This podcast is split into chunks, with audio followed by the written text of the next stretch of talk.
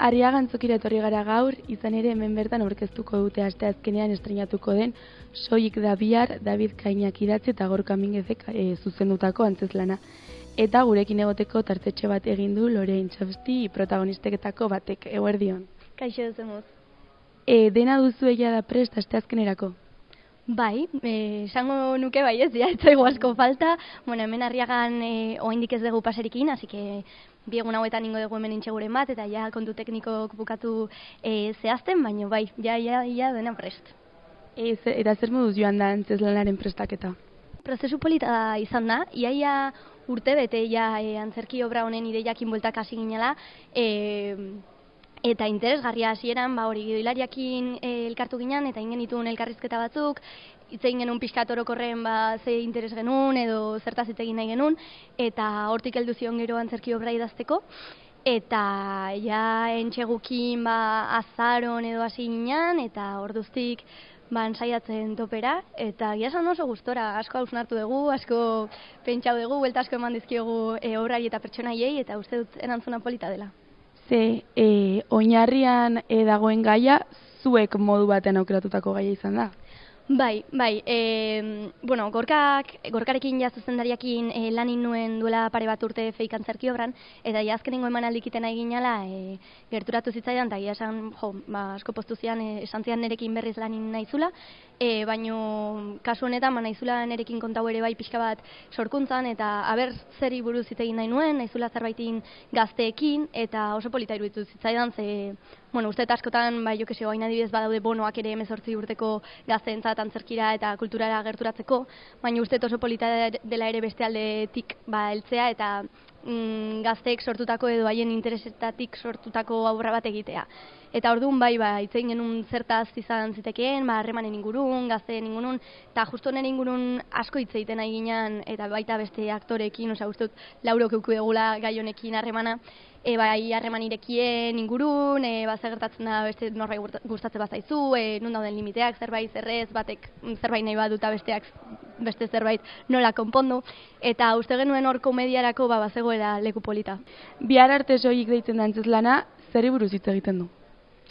Bueno, ba, egia esan kostatu zaigu hau definitzea, ze bai uste dugu azkenen bakoitzak harremanak eta ba hori, e, harreman erromantikok bereziki bakoitzak bere ikuspegitik ikusten ditu. Ordun obra honetan ere pixkat berdina gertatu zaigu. Bakoitzak bere betaurrekoetatik begiratzen du obra eta adibidez zuzendaria idazlea eta gure artean bazegon hor e, ba pentsatzen genuen ezberdin eta uste dugu obra hau ikusita ere ikuslegoak momentu ezberdinetan egingo duela barre edo emozionatuko duela, bakoitzak bere errealitatearekin konektatzen duelako. Baina, bueno, hola gaiak e, esan beharko bagenitu, ba, igual, harreman irekik, e, laguntasuna, komunikazioa, e, sexua, adostasunak, mm, eta bakoitzaren identitatea ere, esango nuke. Aste azkenan estrenatzen duzu euskeraz, ostegunean berriz gazteleraz, enola egiten da e, obra bera bizkuntzatan e, egiteko ikasteko antzesteko badaude ezberdintasunak edo laguntzen du ba alde batetik laguntzen du ze bueno azkenen arkua pertsonaia naia pixkat e, eraikita daukazu eta badakizu zerri buruz dan baina egia da astezeanean obra bat bizkuntzatan iten konturatze zeala hizkuntzak berak badituela ezberdintasun asko, nik adibidez ahotsa bera aldatu egiten dut tonoa hizkuntza baten e, e, eta besten. Eta pertsonaien arteko harremanak ere ezberdin zehatzen dira ze bakoitzak hizkuntzarekin sortzen duen pertsonaia ere pixkat ezberdina da. Orduan, ba kuriosoa da ikustea nola energiak eta atmosferak ere pixkat aldatzen dien hizkuntza batetik bestera. Orduan berriz ere landu behar da esena hori eta bi pertsonaien arteko harremana beste hizkuntza horretan. Eta nolako da zure pertsonaia? Bueno, ba, gustatzen zaio gauzak oso oso argi izatea. Lehenengo esena azten da, inoiz ez jokuarekin jo nunka tipikoa, eta nire pertsonaia dago dema guztin galdetzen nola jolasten dan. Ez, zerbaitera jolastu baino lehen, nahi du beti jakin nola jolasten dan. Eta uste dut orgi hilarik oso metafora polita indula, ze ematen du obra azten dela hola beste gabe jolas batekin, baino jai da pertsonaian asko esaten. Ze gero ere harremanetan oso garbi nahi du, osea, beak alko balu nahiko luke e, jokuaren arauak izan den bagustin eskuan, eta jakin nola jolastu, jolastu baino lehen. Orduan, e, ba hori, okiko dugu oso bueno, batzutan kostatzen jo gauzak harrapatzea, eta gaina beren eskalagunak planteatzen izkion errealitate berrik oso ezberdinak dira berarentzat, eta orduan dago oso galduta ez du ez zerru lertzen, eta horrek komedia asko ematen dio. E, baina bai, nik uste hori, dala, ba, nahiko klasikoa zentzu horretan, eta orduan erotuta egongo antzerki obra honetan. e, zutaz gain, nire alizalde, Albar Zirarda eta Mikel Arizkorretere aritu dira e, lanan, ituko dira. E, batzuk lehenagotik ezagutzen dituzu, bueno, bestak beste guazenen aritze, aritu zaretelako batera. Horrek laguntzen du antzeslan bat bestatzerakoan? Bai, asko, asko. Osa, Bizkat lehen gorkak esan du, niretzat izugarrizko sortea izan da ere e, gorkarekin batera pixkat aktore aukeratu izana. E, ze, bueno, gorkak esan zian antzerki obra e, inaizulanerekin, eta ber norekin ere ingo genuen, hasiratik ja nerea batu zan, ze gaina gaiaren ingunun asko eztabaidatu berekin, eta uste interesgarria zala gidurarekin batera bera ere etortzea elkarrezketa horietara.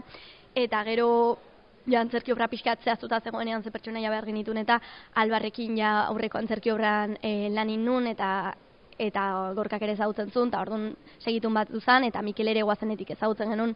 Eta bai, e, laguntzen duz, azkenen badakizu ondo iten dutela lan, e, kreston talentua izateaz gain, eta ja nahiko segurua da hori, aparte izugarrezko konfiantza dezu, badibez, seksuzko e, eszenak iteko, jo, oza, oso ezberdina da, derpente zure lagun batekin itea, daukazula izugarrezko konfiantza esateko, e, hau bai, hau ez, hemen mina hartzen dut, ola jartze baztea, ezakitze, oza, parrez ite dituzuta beste leku batetik, ez da inkomodoa.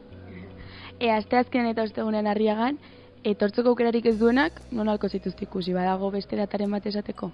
Bai, oain, buruz ez dakizkiz, baina martxon eta pirilan data asko dazkagu, deferian ere bagaude donostin, e, bagaude getxon, santurtzin, lugaritzen ere izango gara, e, pf, leku askotan bizkai. Osa, gongo daukera, bai, daukera. Bai, bai, bai, bai. Ia azte burura eman aldik, batez ere martxon eta pirilen, hasi que salseatu interneten, gure sare sozialetan, eta hortxe, izango gara. Er.